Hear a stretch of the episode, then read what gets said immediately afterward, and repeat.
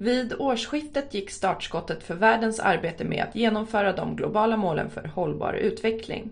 I Sverige ligger ett särskilt ansvar för regeringens genomförande av agendan på tre departement. Statsrådsberedningen, Utrikesdepartementet och Finansdepartementet. Med anledning av detta arrangerar FUF en samtalsserie med ansvariga makthavare om hur Sverige ska genomföra sitt åtagande i praktiken. Till detta samtal har vi bjudit in Oskar Torslund som är ämnesråd vid avdelningen för offentlig förvaltning på Finansdepartementet. Lennart Volgemut från FUF och Heidi Lampinen från Concord intervjuar och samtalet spelades in den 25 maj. Välkomna till FUF och till den här serien som det här är den tredje avdelningen av. Eh, vi har valt att eh, parallellt med all diskussion om 2030-agenda att eh, eh, diskutera med regeringskansliet och politikerna kring hur de i praktiken ska genomföra den här agendan. Internationellt och i Sverige. Vi träffade Ulrika Moder som talade om hur man inom biståndet skulle inkorporera eh, SDG-målen. Och hon berättade om då PGU-skrivelsen som kommer, tror jag nu, är det någon som kommer ihåg, blir det i augusti? Den kom redan den här veckan. Den kom redan den här veckan, ja.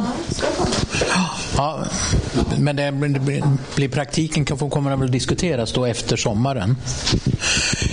Eh, sen träffade vi Annika Söder som diskuterade hur man skulle föra ut budskapet i vår diplomati på eh, internationell basis. Och nu har vi kommit till pudens kärna, nämligen Finansdepartementet, eller civilministerns eh, kansli, som ska se till att den här Agenda 2030 också blir implementerad i Sverige. Och Syftet med de här diskussionerna är inte att tala om Agenda 2030 och alla mål och, och målkonflikter och liknande. Förhoppningsvis kommer vi in lite på det. Men det viktiga vi vill tala om är hur ska ni göra det här i praktiken? Hur ska vi arbeta med de här frågorna? Hur ska vi även inkorporera eh, Sverige i dessa eh, många mål och eh, göra så att vi inte bara kräver av andra att genomföra saker utan att själva också göra. Och vi är väldigt intresserade. Alltså, så att vad vi kommer att ställa frågorna till dig sen är just kring de väldigt praktiska genomförandet. Eh, vi streamar det här. Och eh, Det betyder alltså att det är därför jag håller den här som ni kommer ihåg. Det är inte alls för att ni ska höra någonting. Vi räknar med att det hörs ändå. Och den där myggan du har är till för, för just den här streamingen. Och då ni sen, eh, vi kommer att se till efter, efter att vi har förberett det här Eh, och ställt några frågor också från, podiet, eh, från här framme så kommer vi att lämna ut ordet. Ja, innan vi börjar vill jag bara eh, be dig Heidi att presentera dig också. Absolut. Ja, Heidi Lampinen heter jag. Jag jobbar till vardags på Union to Union som är den fackliga eh, utvecklingssamarbetsorganisationen. Men jag är här och representerar då Concords arbetsgrupp för Agenda 2030. Alltså vi har försökt samarbeta med Concord just i den här frågan och varje gång har vi haft någon från Concord som har varit deltagare och ställt frågor. Men med denna inledning, välkomna allihopa och nu till Oskar som ska presentera sig själv kanske lite mera och vad ni gör. Väl, varsågod, välkommen. Du har en klicker här, du kan klicka på. Ja. Tack så mycket, roligt att få vara här. Tack för inbjudan, spännande med detta stora intresse för Agenda 2030. Eh, och för oss på Finansdepartementet så är ju frågan eh, lite ny. Vi deltog ju inte i någon större utsträckning i de förhandlingar som föregick beslutet i september och eh, vi jobbar ju väldigt mycket med styrning av statliga myndigheter och utvecklingen av styrning i regeringskansliet.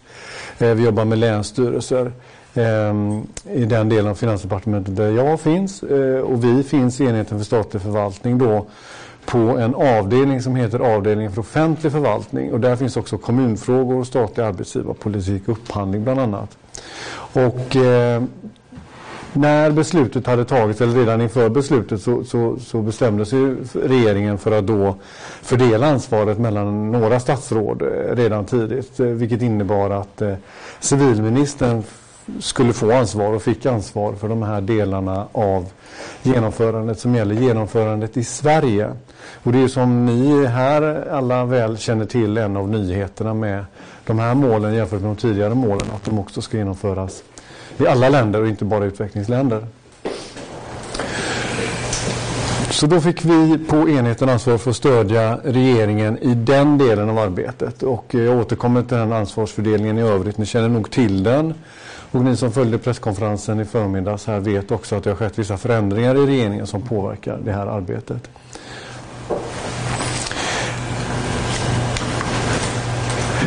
Just det. Jag tänkte då bara kort rekapitulera också vad regeringen har sagt om, om de här sakerna.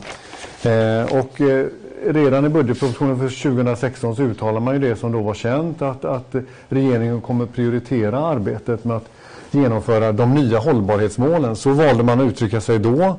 Eh, dessförinnan pratade man lite om post 2015 och eh, det är mycket vanligt att man använder SDGs till exempel. Nu är begreppet Agenda 2030 det som används i störst utsträckning. Internationellt är det fortfarande väldigt mycket SDG. Eh, vi väljer Agenda 2030 och jag tror att det är fler och fler som väljer att göra det även inom OECD och inom inom FN-samarbetet och EU just därför att Agenda 2030-begreppet visar ju på att det handlar om mål och delmål men det handlar också om mekanismer för genomförande, uppföljning, översyn med mera. Då får man med det i, i resonemanget. Eh, och att regeringen ska prioritera arbetet med att genomföra dessa mål fastställdes då i budgetpropositionen eh, som kom i september eh, förra året. Eh, och att regeringens ambition är att Sverige ska vara ledande då i genomförandet av agendan i världen. Och eh, det var ju också med det som utgångspunkt som gjorde att statsministern beslutade om att ta ett initiativ till en högnivågrupp High Level Support Group. Den har också lite olika namn. Senaste namn jag har sett nu var Group of Early Movers. Eh, så att det är väl också lite en, en process som är i rörelse kring vad som kommer att hända och röra sig kring den. Men ni känner ju till då att det är ett, eh, en grupp av eh, nio länder varav eh, två länder per världsdel ungefär var Sverige och Tyskland i Europa. Och sen då så att hela världen finns representerad i det arbetet. Och det är i alla fall i utgångsläget sagt så att det är fram, framförallt ett, ett, ett arbete för gemensamt eh, lärande och utbyte av kunskap och också att inspirera andra länder att, att äh, agera aktivt och ta initiativ när det gäller genomförandet av agendan. Sen kan jag passa på att nämna också att Kofi Annan utsåg ju vår kronprinsessa till en av de här 16 SDG Advocates förmånen. målen. Ehm. när det gäller ansvarsfördelningen då eh, så eh, är det ju sagt så att alla statsråd i regeringen har ett ansvar att arbeta aktivt med hela eller delar av agendan. Både i det nationella och i det internationella perspektivet. Det är ju inte nytt i och med att PGU-arbetet har funnits sedan 2003 och det har ju också aviserats en nystart av PGU-arbetet vilket berör hela regeringskansliet. Eh, men det blir tydligt också i det här arbetet med agendan. Eh, och vissa statsråd har då fått ett särskilt ansvar för genomförandet. Eh, och då, tidigare hade vi tre statsråd som hade ett sådant ansvar. Nu har vi två, eh, vad vi vet idag, om det inte är så att det är något ytterligare förändringar som vi kommer att informeras om senare. Och det är då eh, civilministern, som jag har nämnt, ansvarig för den nationella delen och det är biståndsministern, numera minister för bistånd och klimat, mm. eh, som har ansvar för det mer internationella genomförandet de internationella delarna. Med det sagt så är det ändå så att det, det är naturligtvis ambitionen att, att, att eh, det internationella och det nationella ska vara integrerat och följas åt. Det är en av grundidéerna med hela arbetet. Och några ord om genomförandet så här långt. Ni kanske känner till att det 18 januari så genomfördes en större konferens med hjälp av Sida där de tre statsråden och statsministern deltog. Eh, och där fanns också företrädare för civilsamhället, bland annat ett antal kommuner som redovisade arbetet så här långt. Och det var ju egentligen en avspark så att säga. Det var inte så, ehm, där gavs inte så mycket möjligheter för utbyte och konkret genomförandearbete egentligen. Men det var ett sätt att visa att nu, nu, nu börjar arbetet. Eh, och dessförinnan så var det ju ett par departement som Eh, redan då i december 2016 tog beslut i regleringsbreven kopplat till Agenda 2030. Och det viktigaste uppdraget skulle jag säga är uppdraget till Sida då som i portalparagrafen, det, första som står i Sidas regleringsbrev, det är ett stycke om vad Sida ska göra i relation till Agenda 2030. Och det är bland annat då att stödja regeringen i regeringens hela arbete även nationellt eh, med genomförandet. Och de har också ett eh, ansvar när det gäller genomförandet, ehm, eller förlåt, att bidra till kommunikationsinsatser och informationsinsatser kopplat till agendan. Eh, och då var faktiskt den här konferensen var väl en av de första större insatserna som Sida gjorde där. Sida har ju också ett myndighetsnätverk som ni känner till som samlar ett stort antal statliga myndigheter eh, i det här arbetet och diskuterar vad man gör. Universitet och högskolerådet ska jag också passa på att nämna. Det finns några fler exempel på, på kulturdepartementets område. Ehm, och sen finns det naturligtvis eh, vissa myndigheter, bland annat Skogsstyrelsen som har instruktion, eh, uppgifter redan i sina instruktioner kopplat till PGU som nu naturligtvis har eh, en, en koppling till detta. Bland annat om jag minns rätt Riksantikvarieämbetet har sådana uppgifter. Eh, och eh, i mars så beslutade ju regeringen om en delegation, att inrätta en delegation för Sveriges genomförande av Agenda 2030. Och eh, bakgrunden till att inrätta den delegationen det är ju just att arbetet ska genomföras av många andra aktörer än statliga myndigheter. Och regeringen har ju främst rådighet över de statliga myndigheterna. Eh, och har i mer begränsad utsträckning rådighet över kommuner och, och, och fackförbund och eh, forskning och civilsamhälle i övrigt. Och då är en delegation ett sätt för regeringen att, att lyfta ut en del av sin, sitt arbete så att säga utanför de närmaste delarna av regeringen för att på ett mer eh, praktiskt sätt kunna arbeta med resten av samhället. Inte minst kommuner. Där det finns ett grundlags eh, skydd så att säga mot regeringens omedelbara inblandning i vad kommunerna gör i och med att kommunerna styrs genom lagstiftning då eh, och inte genom regeringsbeslut. Eh, så att det är en anledning till att man inrättar denna delegation. Eh, delegationen har ju då några olika uppgifter och det är att det stödja och stimulera arbetet med att genomföra Agenda 2030 då bland alla de aktörer som är, är, är berörda av arbetet. Eh, och att utveckla en bred dialog i samhället och främja ett informations och kunskapsutbyte. Ehm, delegationen ska också göra en kartläggning och bedöma hur Sverige uppfyller målen och redovisa behov av ytterligare åtgärder. Och de då ska lämna förslag till handlingsplan för regeringens åtgärder. Dels i november en delredovisning och sen i mars Eh, 2017 en, en slutredovisning av det. Och det kan ju leda till ytterligare beslut från regeringen. Inte minst i relation till delegationen. Det, det, tilläggsdirektiv är ju någonting man använder så att säga för att kontinuerligt utveckla verksamheter i, i i den här typen av kommittéer. Det är en kommitté och en kommitté är ju en, en, eh, formellt sett en myndighet som är eh, själv, eller fristående från regeringen och styrs av det här direktivet. Då. Så vill man veta vad kommittén gör så ska man läsa i direktivet. Det är åtta, åtta sidor ungefär. Eh, och för att få en bred eh, representation i delegationen så utsåg ju regeringen eh, sju ledamöter i denna delegation. Och ni känner igen namnen kanske sedan tidigare. Parul Sharma är ordförande. Hon arbetar på Vinge och, hon är och eh, expert på CSR. Eh, och hon har tidigare varit i näringslivet också så att hon har en hel del av näringslivskunskapen med sig. Arbetat mycket med korruptionsfrågor bland annat. Sen har vi Ida Texell, förbundsdirektör och räddningschef på brandkåren Attunda som alltså har kunskap om de kommunala perspektiven. Mattias Klum, känd fotograf. Ingrid Pettersson, generaldirektör på Formas.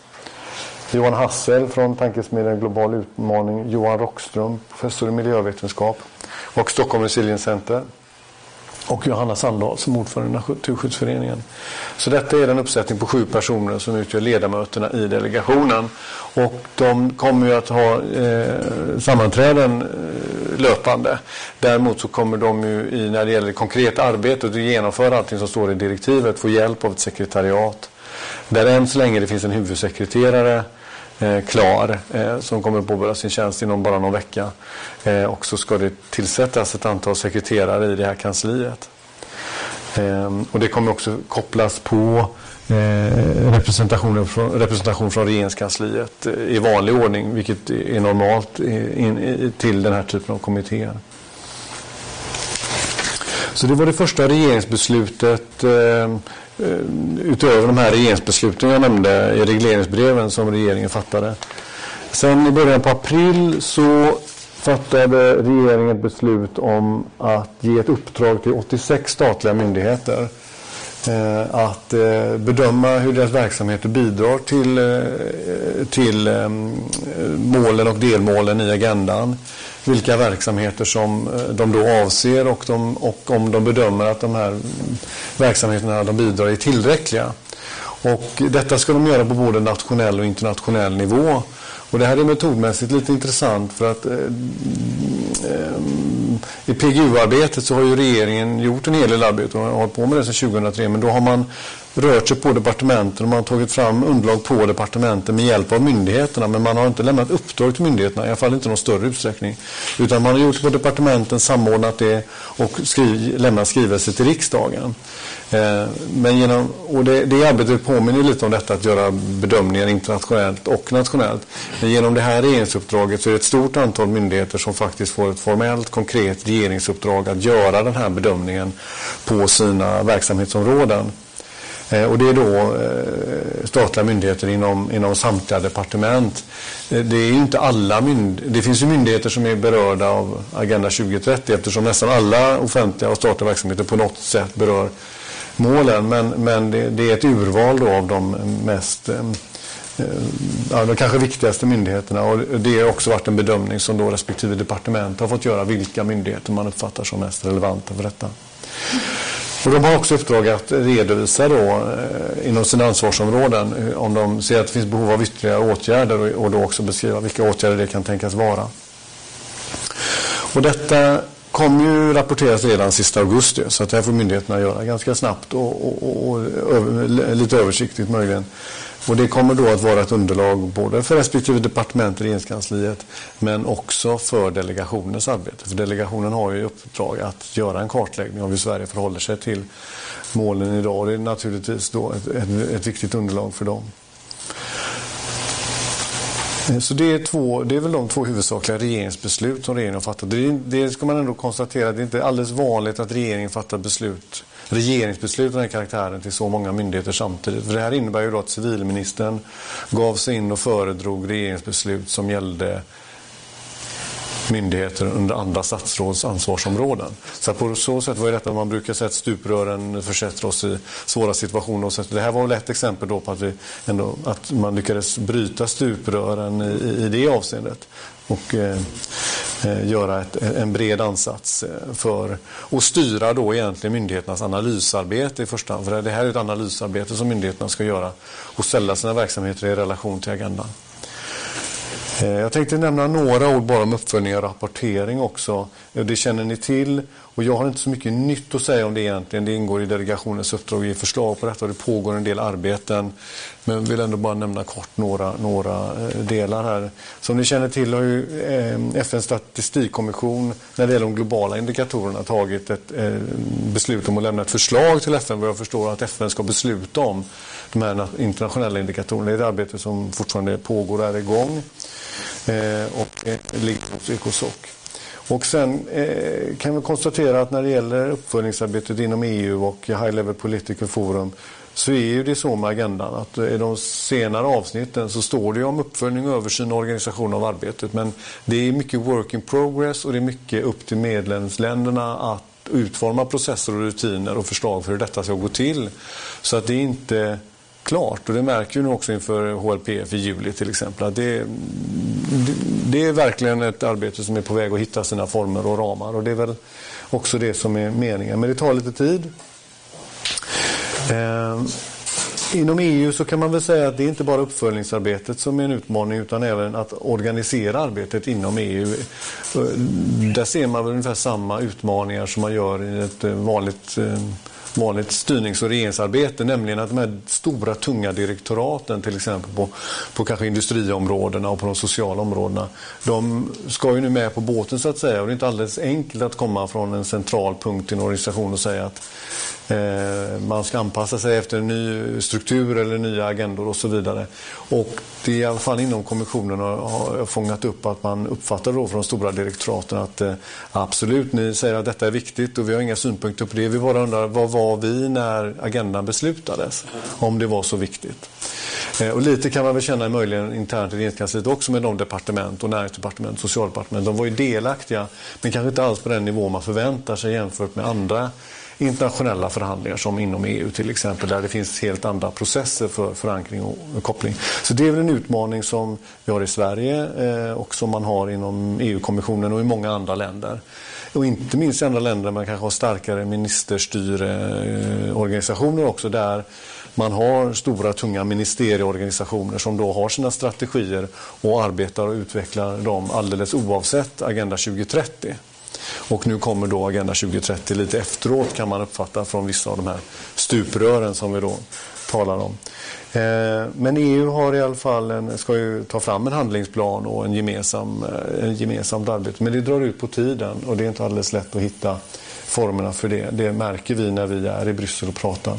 Vad betyder HLPF? HLPF betyder High Level Political Forum och det är det organ som ligger under Ecosoc och som eh, varje år ska eh, ta, mm, ta emot uppföljningen eh, av arbetet. Och var, vart fjärde år ska detta ske på statschefsnivå. Då.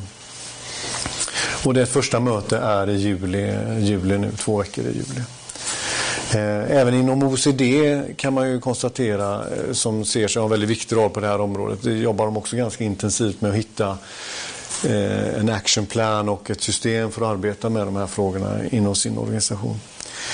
När det gäller Sverige då, nationella indikatorer och uppföljning, så förbereds det ett uppdrag till Statistiska centralbyrån. De är också med mycket i det internationella och har en viktig och uppskattad roll när det gäller eh, Eh, inte minst FNs arbete med globala indikatorer. Så att vi förbereder ett uppdrag till SCB för att få ett stöd där till hur de svenska indikatorerna möjligen kan, kan eh, behöva utvecklas. Men där är det ju så när det gäller nationella indikatorer och uppföljning då finns det ju i Sverige, som i många andra länder, men kanske inte minst i Sverige, ett, ett ganska sofistikerat mål och resultatstyrningssystem, ett resultatstyrningssystem i alla fall. Och vi har ju också en en ansvarig stabsmyndighet och förordningar och föreskriftsrätt och ett, ett, en långsiktig utveckling kring detta kopplat till budgetpropositionerna där vi har mål, vi har indikatorer och resultatredovisning och politisk inriktning till riksdagen och det är ett samspel mellan riksdag och regering varje år. Och eh, därför är Ekonomistyrningsverket då inblandad här också i diskussionerna för att verkligen se Eh, hur, hur, hur vi kan ta vara på vår svenska förvaltningsmodell ur olika aspekter. Inte minst när det gäller då det här systemet med resultatstyrningen. Ehm, vi vill undvika en situation att vi har ett resultatstyrningssystem som utgår från mål och strategier och indikatorer i Sverige som fungerar bra och så vidare. Och så ska vi då ha möjligen någon form av parallellt system som kopplar till agendan. Vi vill ha ett system och så ska det då anpassas så att det också går att eh, dels styra mot agendans mål men också att det då går att på ett inte alltför komplicerat sätt brygga över från vårt nationella styrningssystem till internationella systemet för att möjliggöra återrapportering och uppföljning i, i, till de internationella systemen. Och eh, i detta kommer också eh, delegationens förslag till handlingsplan att, eh, att bli ett viktigt underlag för regeringen då i den här fortsatta utvecklingen av, av vårt maskineri så att säga kopplat till både genomförande och uppföljning av agendan. Ehm, så det var några ord utifrån nationella perspektivet. Och som ni förstår vi jobbar väldigt mycket med system och struktur och, och, och så att säga mer för, skapa förutsättningar för genomföranden det än att vi eh, själva eller från Finansdepartementets sida eh, är, står liksom med spaden i handen på det sättet. Utan tanken är ju nu att delegationen får de förutsättningar som krävs för att gå ut och stötta alla aktörer i samhället som ska arbeta med detta. Ehm, och vi kommer att ha en nära dialog med delegationen naturligtvis. Och, ehm, men nu kommer nog fokus för i alla fall Finansdepartementets del vara rätt mycket att, att jobba med övriga departement, fortsätta den här dialogen och förankringen på departementen kring vad är agendan och vad betyder agendan för departementen och hur bör man arbeta med det i sin styrning och uppföljning. Ehm, det är det ena vi kommer göra och sen kommer vi också då att jobba vidare med, med, med de här frågorna kopplat till budgetprocessen för hur det ska integreras på ett, på ett intelligent sätt. Okej. Okay. Eh, ja, innan vi går in på så att säga ytterligare frågor skulle jag vilja att du konkretiserar ett antal saker. Alltså, du, du slutade lite grann med att säga att ni kommer att jobba med, med de med praktiska, hur ni ska styra det här. Ursäkta. Eh, frågan är alltså, för det första, är, hur många är ni? På, eh, eh, vad är finansen? Är det, är det bara så att säga, din enhet under civilministern?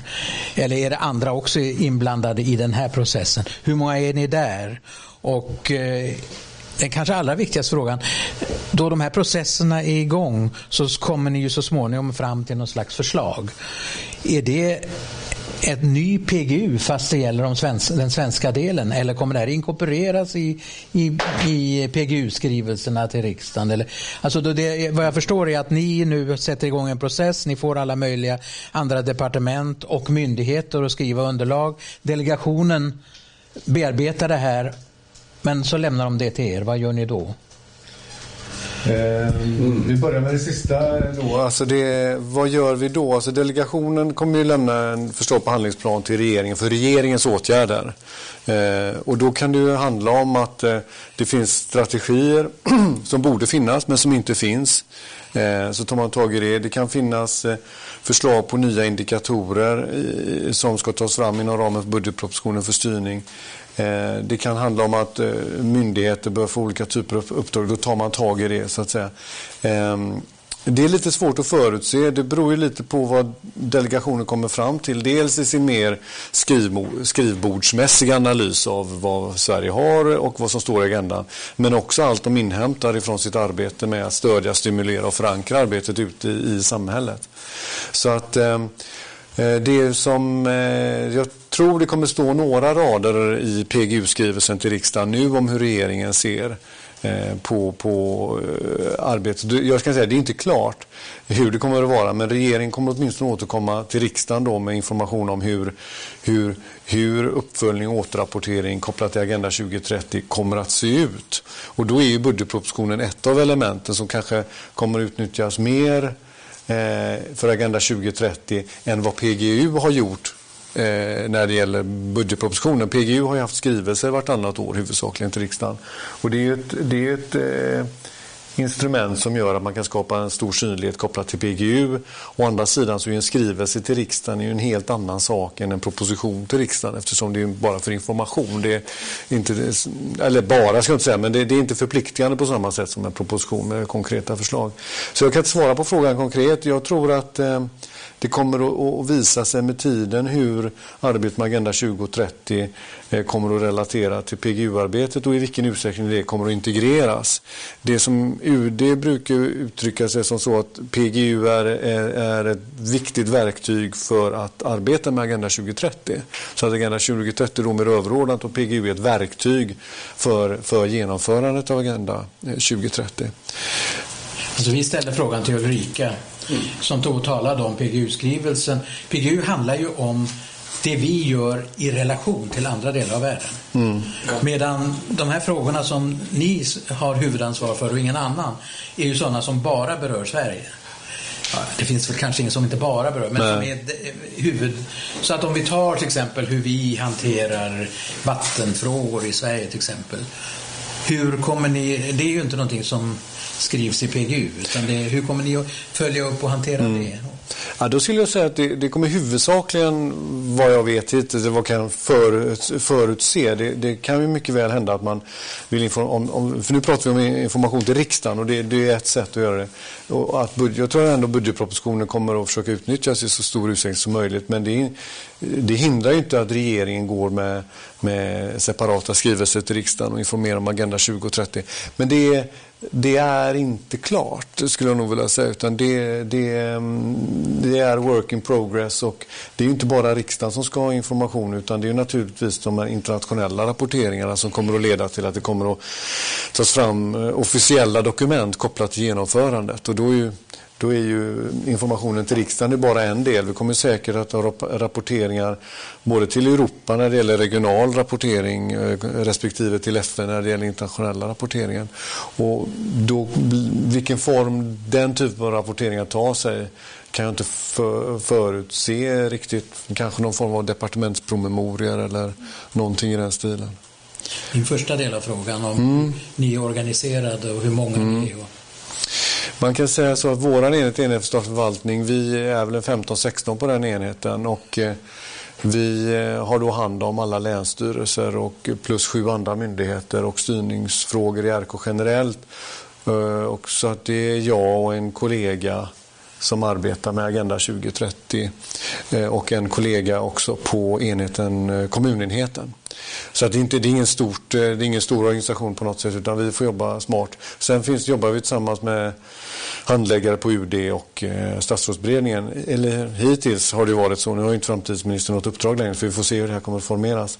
Så vi har en arbetsgrupp då med de berörda departementen som kanske är en, eh, sex, sju, åtta personer.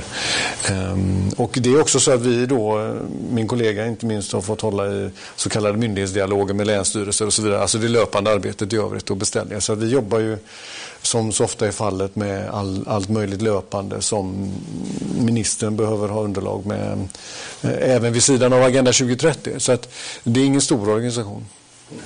Får jag ta en fråga till? Eh, en, en, en sak som eh, biståndsministern har tagit upp i alla sina tal från Almedalen förra året till idag då det gäller Agenda 2030 det är ju frågan om att hur man ska få med svenska folket, hur vi ska föra ut budskapet, kunskapet om, om Agenda 2030.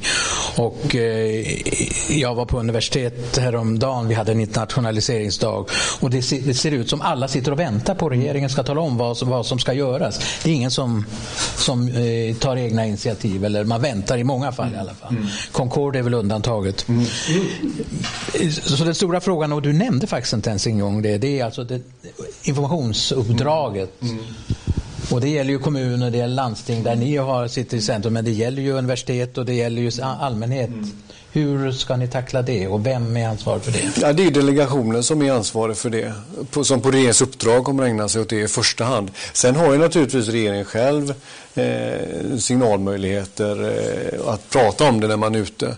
Men vi har i alla fall från Finansdepartementets sida inte någon så säga, stor kommunikationsplan kopplad till Agenda 2030. Inte i nuläget, det kan ju komma. Men eh, i det här skedet så är det eh, en uppgift till, eh, till delegationen. Och i och med att både beslutet om delegationen och då tillsättandet av kansliet, det, det, tar ju tid. Det har ju tagit tid. Så att det, i praktiken har det inte funnits en operativ kraft kopplad till delegationen och finns fortfarande inte. Så det är väl en, det är väl en anledning till att, att, så att säga, man inte ser av liksom regeringen på det sätt man skulle kunna förvänta sig. Eftersom regeringens verktyg i det här sammanhanget inte är på plats eh, fullt ut än.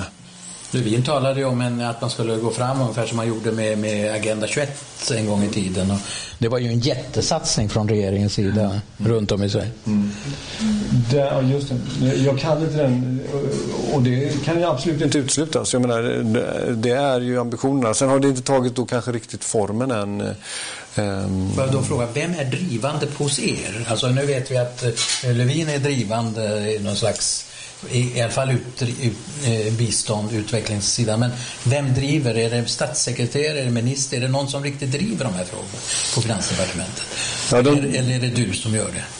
Ja, det drivs ju av ministern som är ansvarig naturligtvis och, och hans statssekreterare. Och sen eh, jobbar vi naturligtvis. Men att driva, det är ju det som det handlar om att ta fram ta fram och bereda regeringsärenden som får det att hända. Vi har ju inte ett uppdrag att, eh, att, så att säga, verka utanför regeringskansliet mot så att säga, samhället eh, utöver den här typen av sammanhang och så vidare. Utan i så fall skulle vi eh, ge uppdrag i olika karaktärer eller handla upp den typen av, av tjänster. Eller så. Men vi är ju lite så att säga, vi är ett kansli till, till regeringsärenden, framförallt att bereda regeringsärenden och biträda, biträda statsråden. Så att eh, Eh, I och med att Lövin ger uttryck för den ambitionen så är det ju det som är regeringens ambition och då kommer det hända. Eh, och riktigt hur formerna för det kommer att, att se ut det, det, kan inte jag svara på idag. Men de hänvisar till er, alltså det är det som är det intressanta. Mm. De hänvisar till Finansdepartementet, ja just det. Och då är det ju Ardalan och eh, statssekreteraren som har det, i sin, har det i sin hand. Det är bara det att eh, det är många frågor, som, andra frågor som också ligger i deras händer. Så att, att just de, de, de eh, praktiska kommunikationsinsatserna utöver delegationens uppdrag Eh, i alla fall inte än så länge någonting som ligger eh, så att säga, högst eh, eller som vi kan ta hand om just nu. Utan, men det, det är återigen det är delegationens eh, uppdrag att, att arbeta med det, det uppdraget. Då, då, måste jag fortsätta på delegationsspåret där. För det låter ju verkligen som, eh, på dig som att de kommer ha väldigt mycket av ansvaret Eh, för utförandet och, och, och kommer få driva det. Eh, och då undrar man ju lite, hur kommer samverkan se ut mellan er och delegationen? Eh, finns det redan någon typ av, av form för det kanske? Och sen såklart blir man ju intresserad av den här delegationens resurser. Hur kommer de se ut? Och, och finns det utrymmet i budgeten färdigt? Vi som är biståndsfolk här kanske som, som liksom jobbar med de här frågorna eh, hela tiden tycker jag att ha finansen i fåtöljen är ju liksom den våta drömmen för det är ni som sitter på pengarna. Eh, och så vi är ju glada för att se att, att finansen är med här. Eh, men, men eh, det kommer ju att kosta och finns de pengarna där? Eh, så om vi börjar med delegationen och lite ert samarbete så. Eh, delegationen kommer kopplas till RK på lite olika sätt. Främst kommer ju... Eh, delegationen är formellt sett en kommitté och när man har kommittéer då kan man enligt kommittéförordningen, allting är reglerat som ni känner till, ha experter och sakkunniga. Och planen är att ha experter och sakkunniga från eh, alla eller de mest berörda departementen utsedda att då eh, delta i kommitténs arbete på det sättet. Och därutöver så kommer vi också, det har vi redan i olika former, men en mer, mer eh, systematiserad form av IDA-grupp, alltså inte departemental arbetsgrupp med två till tre personer per departement som då samlas för att eh, föra ut informationen i departementen, för att ta hand om myndigheternas eh, redovisningar av uppdragen och eh, ha en dialog med, med, med delegationen. Ehm, sen är det också så att eh, när det gäller delegationen ehm, så eh, har ju Sida ett uppdrag eh, och eh, avsikten är att de skulle kunna stödja delegationen. Alltså när det gäller resursmässigt så, ja, vi kan väl börja med vad delegationen själv resursmässigt förutses ha. Och de kommer att ha ett sekretariat på, på fyra till fem personer. I alla fall i inledningsskedet. Det, det kan ju förändras med åren. Ehm, I departementen så finns Ja, därutöver ska jag säga att det är framförallt Sida som har resurser och utpekat ansvar kopplat till arbetet. Sen har de 86 myndigheter som fick regeringsuppdraget. I det regeringsuppdraget så framgår också att de ska stödja delegationen i delegationens arbete. Så där kommer det finnas eh, kraft att eh, ta av.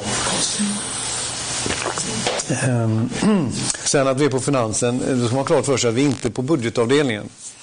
Och är man inte på budgetavdelningen så eh, har man, sitter man inte sådana pengarna som man tror. Då är man nästan ännu längre från pengarna än om man är på ett fackdepartement. För att finans, ingen är så bra på att hålla i pengarna som Finansdepartementet. Så att, att vara på Finansdepartementet, det, är ingen hjälp. Ehm, på det sättet. Eh, utan vi får eh, förhandla om pengarna på precis samma sätt som fackdepartementen får göra. Ehm, du hade någon ytterligare fråga? Olika... Om det, Precis, men jag kan nästan jag kan fortsätta på det här med delegationen och, och eh, du säger här att, att eh, Sida sitter på resurserna framför allt och då låter det i mina öron som att vi använder biståndsbudgeten till, eh, till utförandet även i Sverige då kanske. Eh, är det så man ska tolka det eller, eller finns det en sån diskussion som, som du kan dela med dig av? Och, och, så tänker jag också på om det är så att delegationen är den som ska stötta um, Sveriges kommuner och landsting och liksom komma ut i, i så att säga, nationellt. Um, vet du någonting om hur långt den processen har börjat? Har, har, finns det intresset redan då i kommunerna och landstingen eller, eller är det någonting som delegationen får jobba upp? Om du har något att säga om det? Jag har nog ingen riktigt bra bild av det. Eh, civilministern är ute mycket i kommunerna och kommunbesök och även hos eh, länen nu i olika sammanhang. Och jag vet att frågan om agendan kommer upp en hel del. Eh, och SKL har är också delaktiga, även i när vi bereder besluten och så, så är SKL med. Men jag har ingen klar bild över var kommunerna står i det här arbetet. Det finns ju exempel naturligtvis i många olika delar av landet när det gäller hållbara städer och insatser för Eh, vad hörde jag senast om idag? Livsstilscykeln, ett forskningsprojekt kopplat mellan Mistra och SB och Göteborgs universitet. Eh, Chalmers och Göteborgs kommun ska jag säga. Så det finns väldigt mycket som pågår. Eh, och det är inte påbörjat eftersom inte delegationens kansli är igång. Ehm, så att det, det, kommer ju att visa sig ehm, framöver. Um, när det gäller huruvida uh, vilka pengar Sida använder till vad så handlar det här om ett regeringsuppdrag i regleringsbrevet där vissa medel är avsatta i en anslagspost. Och huruvida det, hur det förhåller sig till um, biståndsmedel och DAC-diskussionen det får jag nog faktiskt lämna vid sidan för det kan jag helt enkelt inte tillräckligt mycket om. Um, men ja, nej, så jag tror att jag avstår från eh, det resonemanget. Ja, men tack för det. Eh, jag förstår att du, att du kanske inte sitter på de frågorna. Om vi då ska... Vill du sticka in en fråga? Nej, ta du nu. Fortsätt. Okej. Okay. Um, ja... Jag är lite nyfiken på att höra om hur, hur ni ehm, kan jobba med processerna kring eh, målkonflikterna som eventuellt dyker upp. Um, det, det, är ju så att, att det finns en del mål som kanske eh, vi kan ha eh, andra politiska mål som, som inte går i, ihop med agendan. Säg till exempel att eh, de offentliga investeringarna går till mm, fossilbränslen eller den typen av, av investeringar eh, som inte då stämmer överens med agendans klimat och miljömål. Eh, hur, hur ska man göra den där sortens avvägningar? Eh, hur, hur jobbar ni med de typen av upphandlingsfrågor som jag antar att du sitter med också? eh, som direkt faktiskt svarar mot, mot agendan. Det är väldigt svårt. Alltså det gäller att identifiera målkonflikterna. En del av det arbetet tycker jag man kan se tydliga exempel på i PGU-skrivelsen och PGU-arbetet, att man ändå tar sig an den frågan. Och det handlar väl ganska mycket om att i regeringskansliet eh, göra känt eh, att målkonflikterna finns, att, det, att det, det man arbetar med på ett visst område också har betydelse eller påverkar andra delar av målstrukturen så att säga. Eh, och i och med att agendan nu finns och, och därmed blir ett samlat dokument som eh, man på respektive departement kan ta del av i, i dess helhet och analysera de egna områdena Eh, relation till så tror jag att den typen av insikter och, och, och kunskap kommer att öka. Eh, sen när det gäller att hantera det Alltså det är ändå så att regeringens verktyg det är ungefär eh, lagstiftning, förordning, myndighetsstyrning och så vidare. Och då får ju det utvecklas med kunskap om de här eh, utmaningarna. Eh, och det kan man ju bara göra ehm, Alltså menar, målkonflikterna kommer inte att lösas upp och försvinna. Och mycket av det som är förhandlingsarbetet i Regeringskansliet kopplat både till budget och lagstiftningsförslag och styrning och, och, och alla typer av politiska beslut Hela det här maskineriet som ofta anklagas för att vara eh, tungrott och svårhanterligt och stuprör bygger ju på att de här olika typer av mål som finns till exempel på det sociala området kontra det ekonomiska området, tillväxtområdet eller så ska stötas och blötas. Och till slut ska man komma fram till att givet att vi vill, att vi vill väldigt många olika saker det finns 25 utgiftsområden och det finns säkert 3 till 4 övergripande mål inom varje utgiftsområde så handlar det om att hitta den rätta balansen. Eh, och inte bara satsa väldigt eh, kraftfullt på vissa eh, delar med oönskade konsekvenser på andra. Och sen finns det också delar i statsförvaltningen som har den typen av uppgifter inbyggt. Jag tänker på länsstyrelserna till exempel som har både uppgifter inom sociala området och miljöområdet och tillväxtområdet för att balansera, ska bidra till att balansera de här intressena eh, regionalt. Så det finns inget enkelt svar på frågan eh, men jag tror som sagt att arbetet med Agenda 2030 kan förbättra departementets förmåga att hantera det. Ehm, eh, och sen är det ju svårt. Jag menar, det är något exempel. Eh, jag vet vi styrde några av myndigheterna. Vi såg det var problem på ett område och då var regeringen där och liksom lyfte upp det området och pekade på att här vill vi ha en förbättring. Och, Eh, det fick man också. Eh, det var bara det att det ledde till att man fick en försämring på ett annat område. Eh, därför att då resurser förs till de områdena inom det här specifika området. Så att styrning är svårt och att få en få en styrning som tillgodoser alla mål så mycket som möjligt är ju ambitionen. Um, Får jag bara ställa en fråga där? Det här var ju den stora frågan med PGU. Mm. Och det var ju där man funderade ut just att det är inte bara lagstiftning utan det är själva beredningsprocessen som sådan. Att identifiera att det finns målkonflikter och att sen till beslutsfattarna göra klart att här är det en målkonflikt innan de fattar beslut. Och då skapade man PGU, den här enheten som då fanns på UD som skulle då eh, följa alla kabinettsärenden innan och själva beredningsprocessen. Eftersom det här med samråd ju, finns ju hela tiden i, mm. i regeringskansliet och eh, skulle då varna. Och jag var där med studenterna och intervjuade i ett tidigt skede. Och det visade sig att det var faktiskt, de kom faktiskt åt inte bara PGU-frågor utan även frågor som hade med interna målkonflikter i mm. Sverige. Mm. Så det går. Mm. Nu är den stora frågan med, med SD och det är därför det är så intressant att höra vad, vad ni gör. För nu är, det ju, nu är det ju inte bara de här frågorna som relaterar med fattigdomsbekämpning och vad som händer i Sverige. Där det kan vara väldigt tydliga målkonflikter. Nu är det ju målkonflikter i Sverige också. Och vem är det där som ska vara eh, eh, den, som ropar vargen då, och talar om för innan ett regeringsbeslut fattas att här är det en målkonflikt. Är det ni eller vem, vem är det som eller är det varje, varje departement som ska ta upp det här? Man kan nog säga i princip att respektive departement har ansvar då för att eh, hantera den utmaningen. Det, alltså I regeringskansliet så finns ju, till skillnad från regeringskansliet i många andra länder, inte så mycket Eh, på den nivån som är departementsövergripande. Alltså det finns på den departementsövergripande nivån i, i Sverige så är det framförallt den politiska samordningen i statsrådsberedningen och EU-samordning.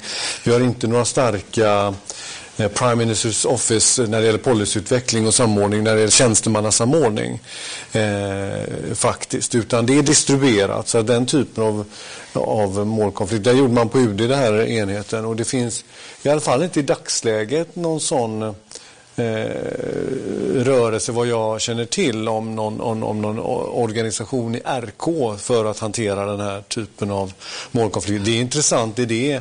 Och det, och det, det har ju diskuterats eh, eh, men inte så väldigt mycket ändå. Så man, man är, regeringskansliet har nog ändå på något sätt eh, eh man tycker att den här gemensamberedningsrutinen och så vidare är ändamålsenliga. Men det, det, är en intressant fråga att just eh, att det skulle behövas möjligen en tredje part eh, för att säkerställa att det... Ja. Gemensamhetsberedningen möjliggör ju det. Ja. Nej. Den, den möjliggör att man får komma fram till att det finns konflikter. Nej, men den löser inte konflikter. Ja. Han har suttit länge ja. En fråga till och sen får ni komma in. Varsågod. Ja, men då, då tar vi en liten sån här uppsamlingsslutfråga. Eh, vad, vad, tycker du då från ditt perspektiv är den största utmaningen med att jobba med det här på Finansdepartementet? För att jag uppfattar ändå så att det är en, ett litet nytt arbete. Man kanske, det kommer säkert finnas motstånd i många av departementen om att, att man känner sig lite eh, påtvingad någonting som de här bistånds nissarna vill hålla på med och att man inte har varit med liksom från början och kanske, ja det kommer säkert vara en process. Um, och nu får du jobba med de här frågorna hos er. Vad, vad, vad är de största utmaningarna?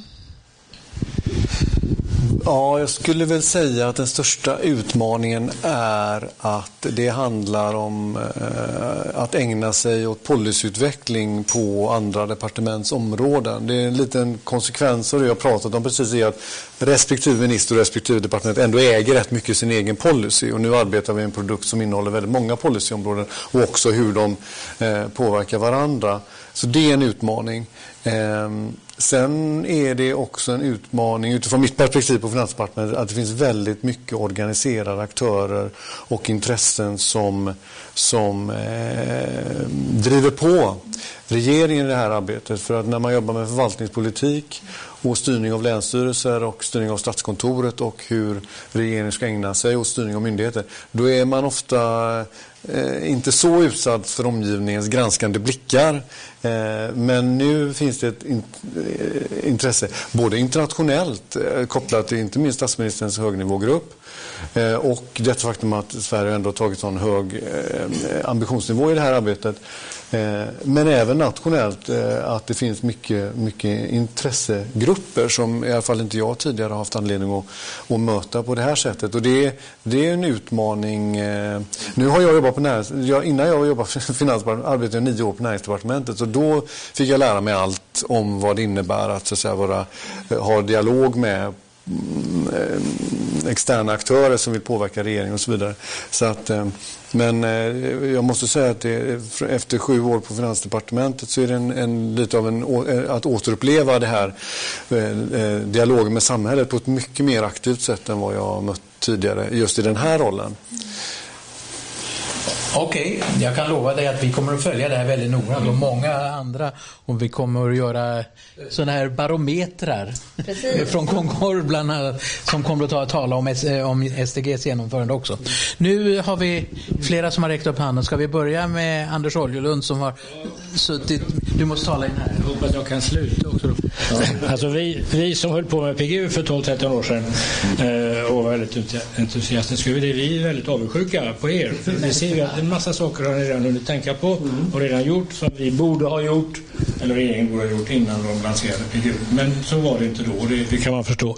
Alltså, PGU hade två brister Ja, en del av de bristerna kanske finns kvar men de är åtgärdade lite grann. Det ena var att det stod ingenting om hur regeringen skulle organisera det här. Ingenting om vem som skulle vara ansvarig.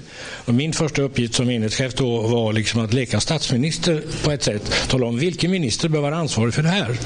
Och så skrev jag en intern promemoria och kom fram till att eh, by default så att säga, eh, det blev biståndsministern för det fanns ingen annan. Vilket egentligen var ett felaktigt beslut. Därför att det gjorde att PGU kom att bli liksom en, bistånds, en biståndsfråga, en utvecklingsfråga. Och eh, alltså biståndet handlar om att förändra världen. PGU handlar om att förändra Sverige. Huvudsakligen. Det här handlar om att förändra Sverige. Eh, när vi nu talar om metodfrågor. Sen ska världen förändras, men det är att förändra Sverige. Och vi brukar säga att vi, svenska regeringen rår inte över särskilt mycket i den internationella utvecklingen. Vi kan inte påverka allting. Det enda vi kan rå över det är vår egen organisation och då borde man liksom ta i den. Men det, det skedde inte då. Eh, den andra frågan som inte fanns med var hur man ska finansiera detta. Och jag menar inte att det borde ha finansierats med biståndsmedel men det borde ha stått någonting om hur det ska finansieras. Eh, du pratade om delegation. Vi hade, vi hade ingen delegation, men vi hade ett medborgarforum som skulle vara någonting liknande och eh, det fanns med i propositionen och när vi funderade på detta så kom vi ganska snart fram till, vi gjorde en del försök och sammanträden att nej, det går inte. Och varför gick det inte? Ja, hur ska man, hur ska man dela makten mellan medborgarforum och regeringen? Vad vill regeringen lämna ifrån sig? Vad vill regeringen lova delegationen eller Medborgarforumet att alltid fråga forumet först innan beslut fattas? Mm. Nej, det vill inte regeringen. Vill regeringen ta emot råd ifrån Medborgarforum? Ja, visst kan vi ta emot råd. Men vad skulle delegationen eller Medborgarforumet säga om vi aldrig någonsin följde dessa råd? Det var en farlig situation, så därför blev det inget medborgarforum. Och till sist sa vi att det medborgarforum som finns i Sverige, det är ju riksdagen det är den. Eh, så målkonflikter kom naturligtvis upp men jag skulle vilja påstå att det det, finns, det fanns i PGU inget sätt att lösa målkonflikter. Utan det system man hade att liksom definiera målkonflikter, det fanns där i, i viss mån. Men sen löpte allt, och det är fortfarande riktigt, sen löpte alltihopa tillbaka till att vederbörande ministerium skulle lösa dessa målkonflikter. Och då blev nästan alltid svaret att det finns inga målkonflikter. Eh, för det kan man säga om man sitter i ett departement. Och vi tar exempelvis jordbruksfrågor och, och, och, som var en målkonflikt redan då. Om man sätter rubriken en jordbruksfråga på en fråga som är kontroversiell i ett PGU-hänseende. Vem kommer att få den frågan? Jo, jordbruksdepartementet, mm. jordbruksutskottet.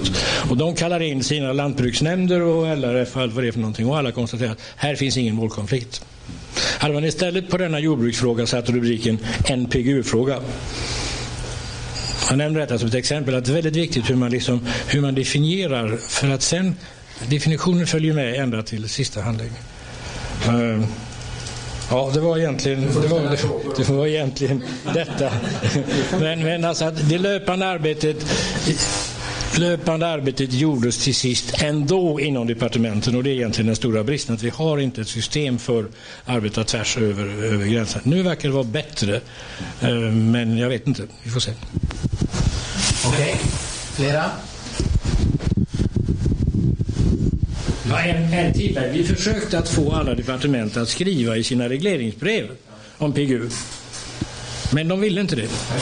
Och vi försökte också få alla departement att skriva att korsvis att till sina olika myndigheter att arbeta nu tillsammans.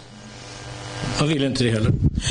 Men där har det ju gått ganska långt sedan dess. För det har ju den, inför den här PGU-skrivelsen nu så har ju alla varit med och skrivit. Och... Flera? Hallå? Ja.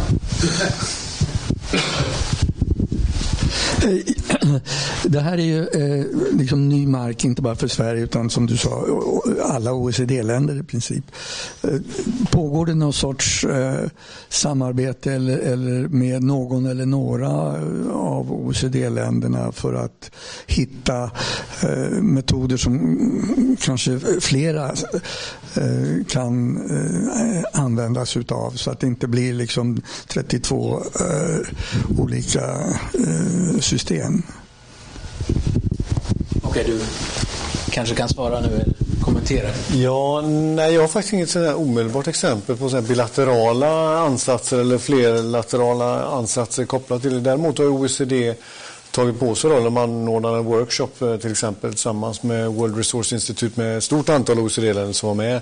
Där man pratade just om vilka metoder man kan använda och för att dra lärdom av varandra. Så OECD har ju där då tagit rollen av att vara en plattform och facilitator för den typen av diskussioner. Och där är det klart, då träffar man ju medlemsstater från andra länder och så berättar man jo, men hur gjorde vi med delegationen och till exempel, jag tror det är Lettland som har ett kansli på sin, sin eh, statsrådsberedning som arbetar med typ av analys och kartläggning. Så tittar man på vad de gör.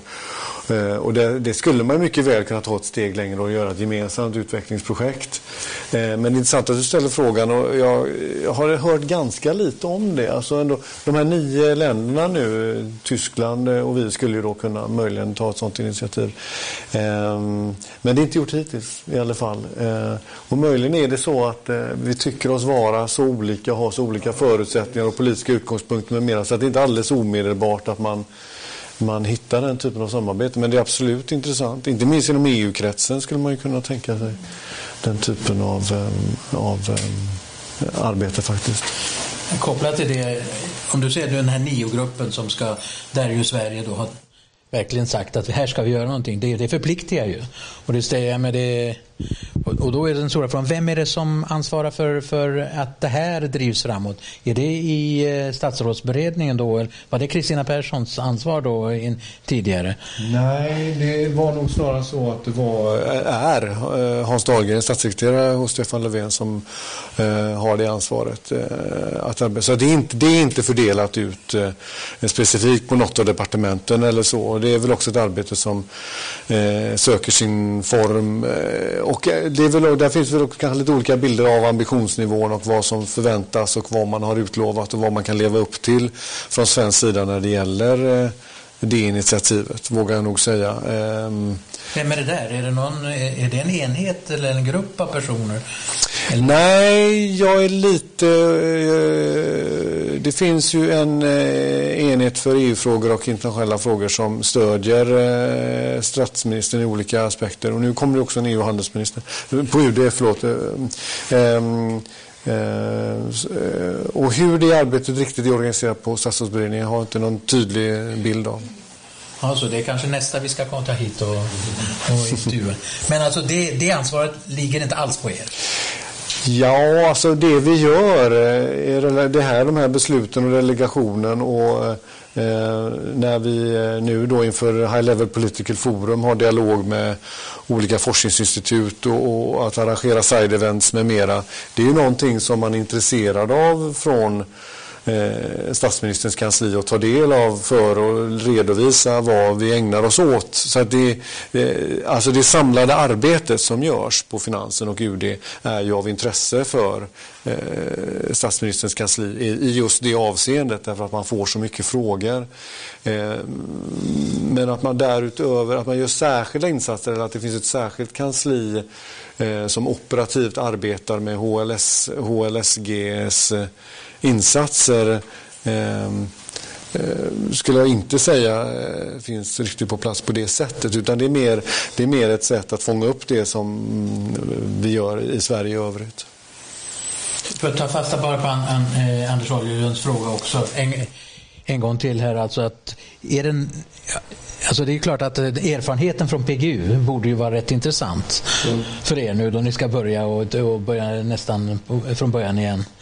Har ni, eh, har ni tänkt att försöka eh, samordna det eller finns det någon, något sätt som ni har jobbat på det här? Ja, alltså, dels är vi, är vi nära nu i arbetet. De som arbetar med PGU-frågor på, på UD är ju nära kopplade i vårt arbete. Vi jobbar ju tillsammans.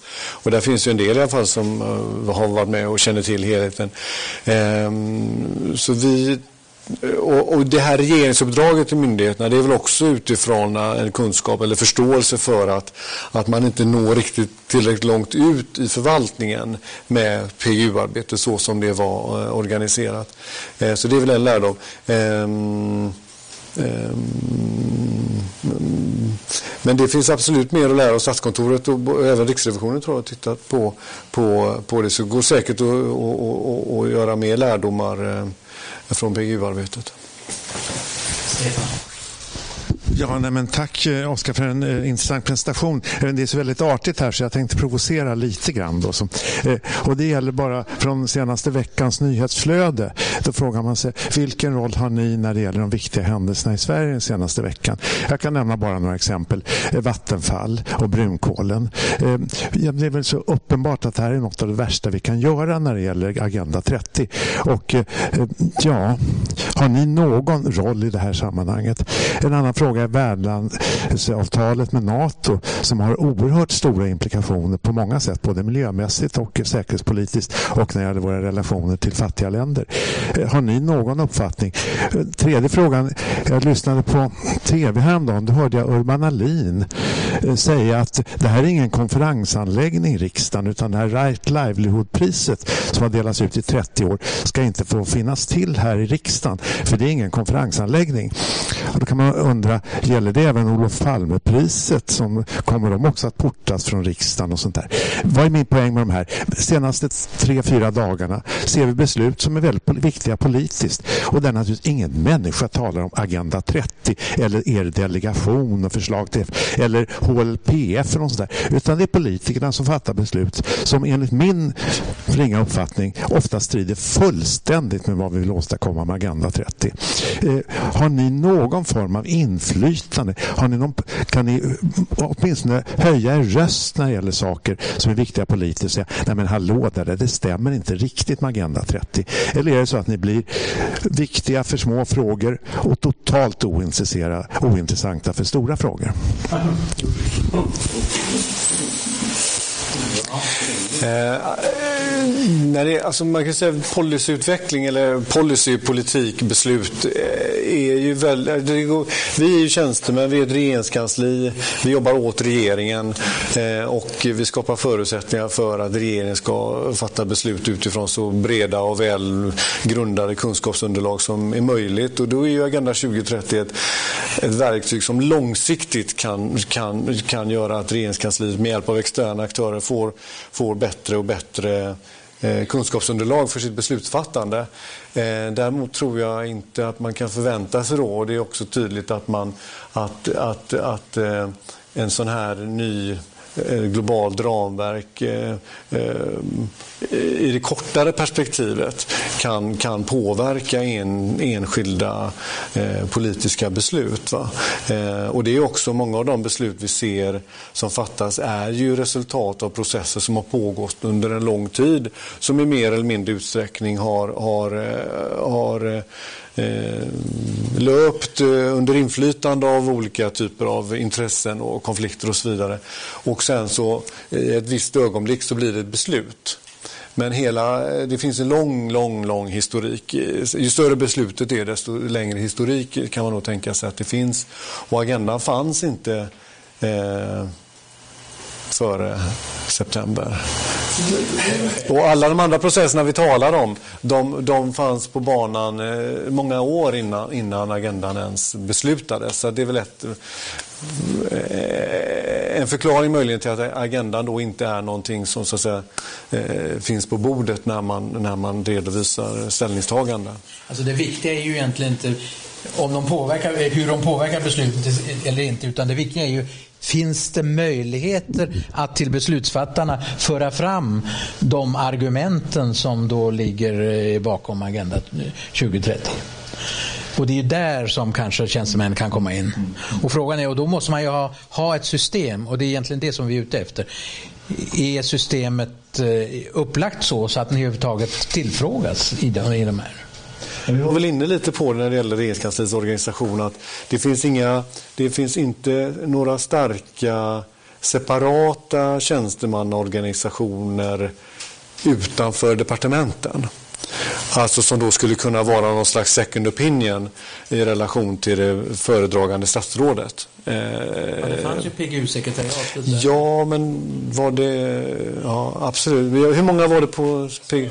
De började som två personer. jag tror det fanns en tanke bakom PGU att nu gäller det när vi genomför PGU att inte politisera PGU. Inte politisera PGU, utan se till att de strukturer som sköter om PGU ligger vid sidan av beslutsprocessen. Och det är precis det du menar. Och jag, jag tror att det fanns en, en, en sån liksom en farhåga att politiserar vi PGU så blir det väldigt svårt. Hoppas ni förstår vad jag menar med politisera. Statsministern då ville inte politisera PGU på det sättet så att det blev någon sorts eh, konkurrerande organisation till regeringen. Och då gäller det, om man vill ha, om man vill ha den friheten som alla regeringar vill ha, så måste man göra en, en tjänstemanna och en eh, organisationsstruktur, processstruktur som ligger vid sidan av beslutsprocessen. Därmed inte sagt att den är utanför och inte inflytande och inte kan fra, fra, prata. Men, men man, man skiljer på strukturerna. Vill du komma in? Ja. Vänta. Ja, jo, men det är lite... Alltså, jag, var bra att du tog den här frågan, eh, Stefan, för att jag satt också och tänkte på det. För att nu är, är tydligen har ju Sverige tagit eh, eh ledningen till, eller initiativ till den här HLPF och HLPF-gruppen. Och då är det ju pinsamt att sitta med där, skulle jag tycka, om jag var svensk representant där. Om vi tar den här jävla kolet då kan vi ju strunta i att försöka moralisera och säga att vi ska gå före. Och framförallt det här skitsnacket, gå före jämt och ständigt. Va? Det, det, det är ju så pinsamt så man vet inte var man ska ta vägen. Och sen har vi också Förbifart Stockholm på det. Va? Ja, men alltså det,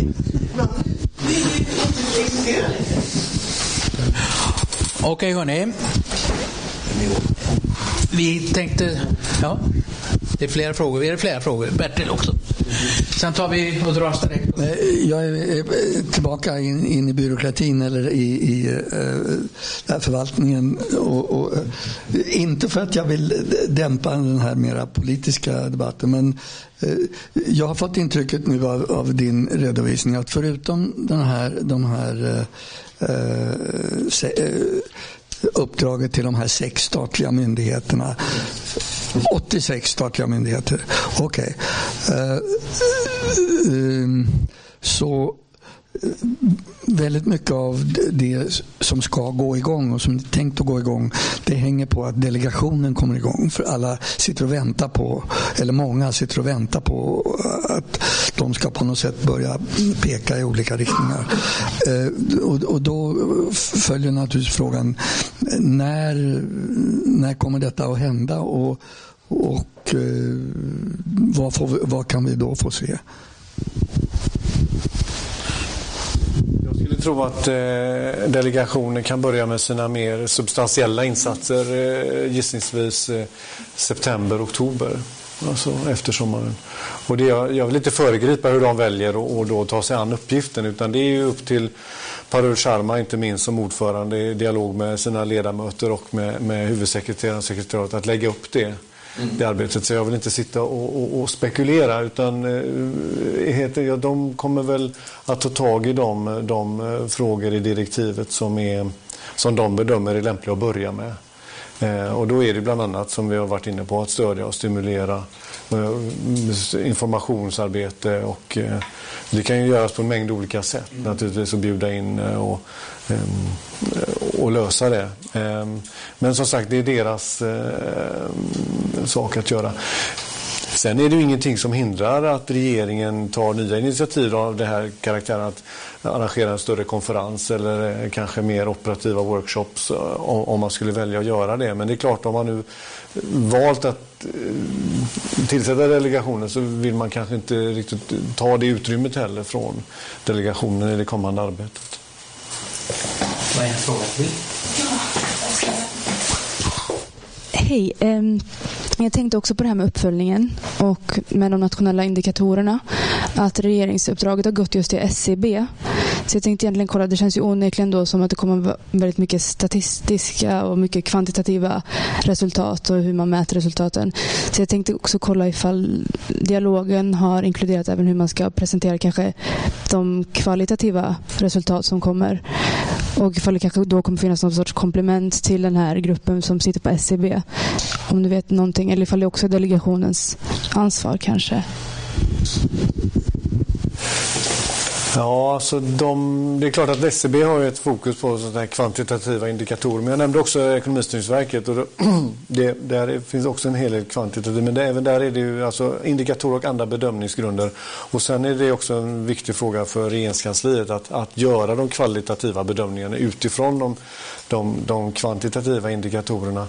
Eh, men eh, Uppdraget till de 86 myndigheterna där handlar om att de ska bedöma hur verksamheterna bidrar till målen. Och det är inte alls då sagt att det ska vara en kvantitativ bedömning i första hand utan faktiskt en kvalitativ bedömning som gärna får naturligtvis bygga på kvantitativa indikatorer för att göra det mer eh, för att man ska kunna bedöma kausalitet eller göra det trovärdigt naturligtvis. Um, um, um, och det ligger väl egentligen också i SCBs uppdrag att, att, att, att, ta fram och utveckla indikatorer på ett sådant sätt att man kan göra bra kvalitativa bedömningar. Ehm, skulle jag säga. Eh, jag, jag, tänkte att jag eh, gör ett litet inlägg för Concord, eh, Sveriges arbetsgrupps sida. Vi är ju, eller Concord är ju ett para, en paraplyorganisation för organisationen som jobbar med utvecklingsfrågor och biståndsfrågor. och just den här arbetsgruppen för Agenda 2030 så har vi följt processen genom förhandlingarna och varit en del av Sveriges delegation i förhandlingarna i New York och även liksom nu när den har antagits agendan i indikatorprocessen processen med SCB. Eh, så det finns en, en, faktiskt en väldigt bra öppen dialog med, med dem eh, på UD och så där, som är ansvariga. Så där, där, vi kommer följa det arbetet och gör fortsatt den här PGU-barometern och eh, säkert i någon slags nyare Agenda 2030-tappning. Eh, så det kan ni förvänta er av, av oss som grupp. Eh, men, men eh, jag, jag vill bara sticka in någon liten fråga. Jag förstår Oskar att du inte, du sa att du sitter inte på budgetdelen. Men om vi pratar om processen då. Eh, bara lite kort ehm, så är man ju väldigt nyfiken på att, att förstå hur agendan ska ses, synas i budgetens olika områden, de olika posterna. Kommer den gå att följas upp? Liksom? Som du sa så är vi många som är intresserade av det här. Så att, eh, vi skulle gärna vilja veta om vi kan följa upp det. Vet du om det, eh, den här processen kring att då ta reda på hur, den ska hur agendan ska synas i budgeten, vet du när det kommer komma eh, någonting mer om det? Um, mm. Du kanske kan använda det svaret också till en avslutande replik. Eh, okay. Nej, det vet jag inte hur det kommer synas. Men man kan säga att budgetprocessen innehåller ändå två delar. En, en del är ju den mer resonerande, redovisande delen. Dels av resultaten och dels av den, av den fortsatta politiska inriktningen. Och den diskussionen hänger naturligtvis i samband, samband med eh, resurstilldelning och eh, ansökan om kommande bidrag. Men jag kan tänka mig att, eller vi, kan, vi kommer i alla fall arbeta utifrån en, en, en ansats att eh, när man resonerar om vilka mål och indikatorer man använder på olika utgiftsområden, att man då gör det utifrån en analys och bedömning av hur det förhåller sig till agendans mål och delmål. Det kan jag tänka mig.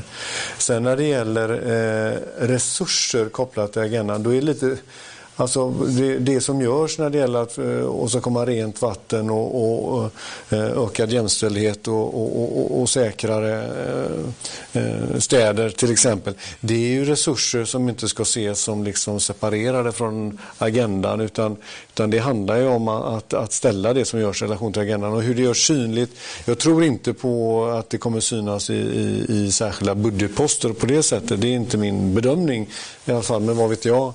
Eh, utan snarare att man eh, skapar en process som gör att vi på ett eh, enkelt sätt dels kan påvisa hur eh, arbetet påverkas av att agendan finns och att, man, att Sverige har eh, åtagit sig att uppfylla den å ena sidan. Å andra sidan att, att budgetprocessen kompletteras Eh, och att man utformar den på ett sätt som gör att man kan brygga över till också en internationell återrapportering.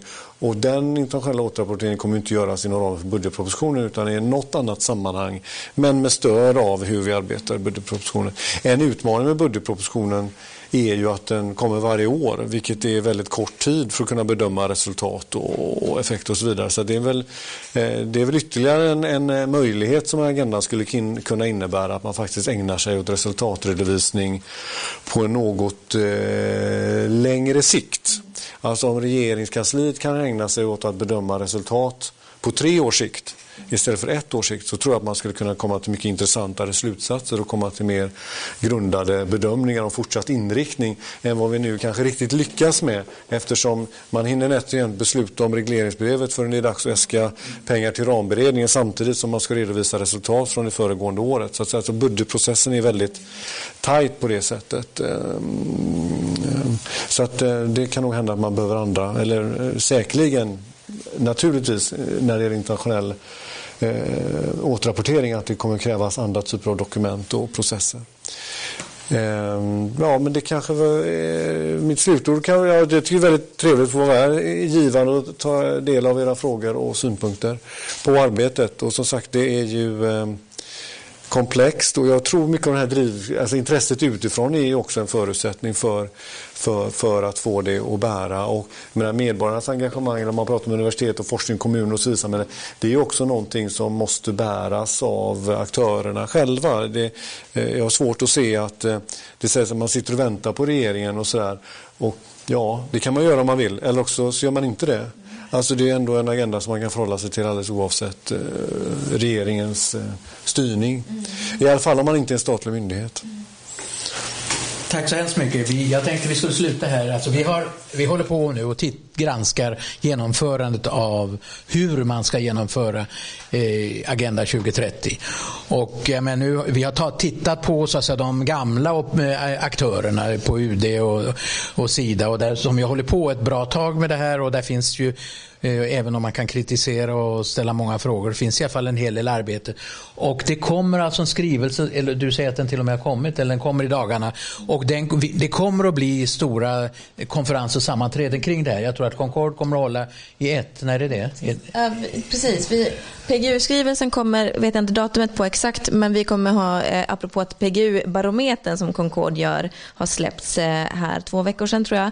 Eh, tills, när PGU-skrivelsen eh, har kommit så kommer vi tillsammans göra en slags uppföljning på det med seminarier och då är Ulrika Moder närvarande och det kommer förmodligen vara då i augusti eller september, så efter sommaren.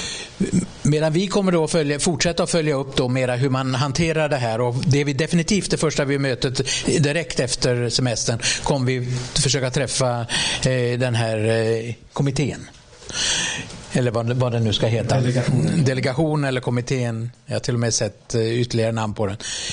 Och eh, för att ytterligare få, få reda på hur de tänker arbeta. Alltså det som är intressant med det du har sagt nu, det är ju även om ni har just startat och ni är väldigt få och ni har inte kommit tillräckligt långt, det är ju att det på Finansdepartementet nu finns personer som jobbar med, med den här internationella agendan. Mm. Och hur Sverige ska genomföra det är ju faktiskt, det måste jag ändå säga, som ett framsteg. Ett ganska stort framsteg. Mm. Så att vi ska inte bara se på problemen utan, och det är oändligt stora eh, eh, intressekonflikter och målkonflikter som man har att arbeta med som, som Stefan och, och du tog upp här tidigare. Alltså, så det är ingen tvekan om. Men det, det, det är ju bra att det finns det här och vi verkligen, vi kommer ligga på. Vi kommer att stötta er och skjuta på och, och ifrågasätta eh, och hoppas alltså att ni får en större utrymme och eh, att delegationen kommer fram med förslag som ni sen kommer att genomföra. Tack för idag och tack för att du kom hit och ställde upp idag.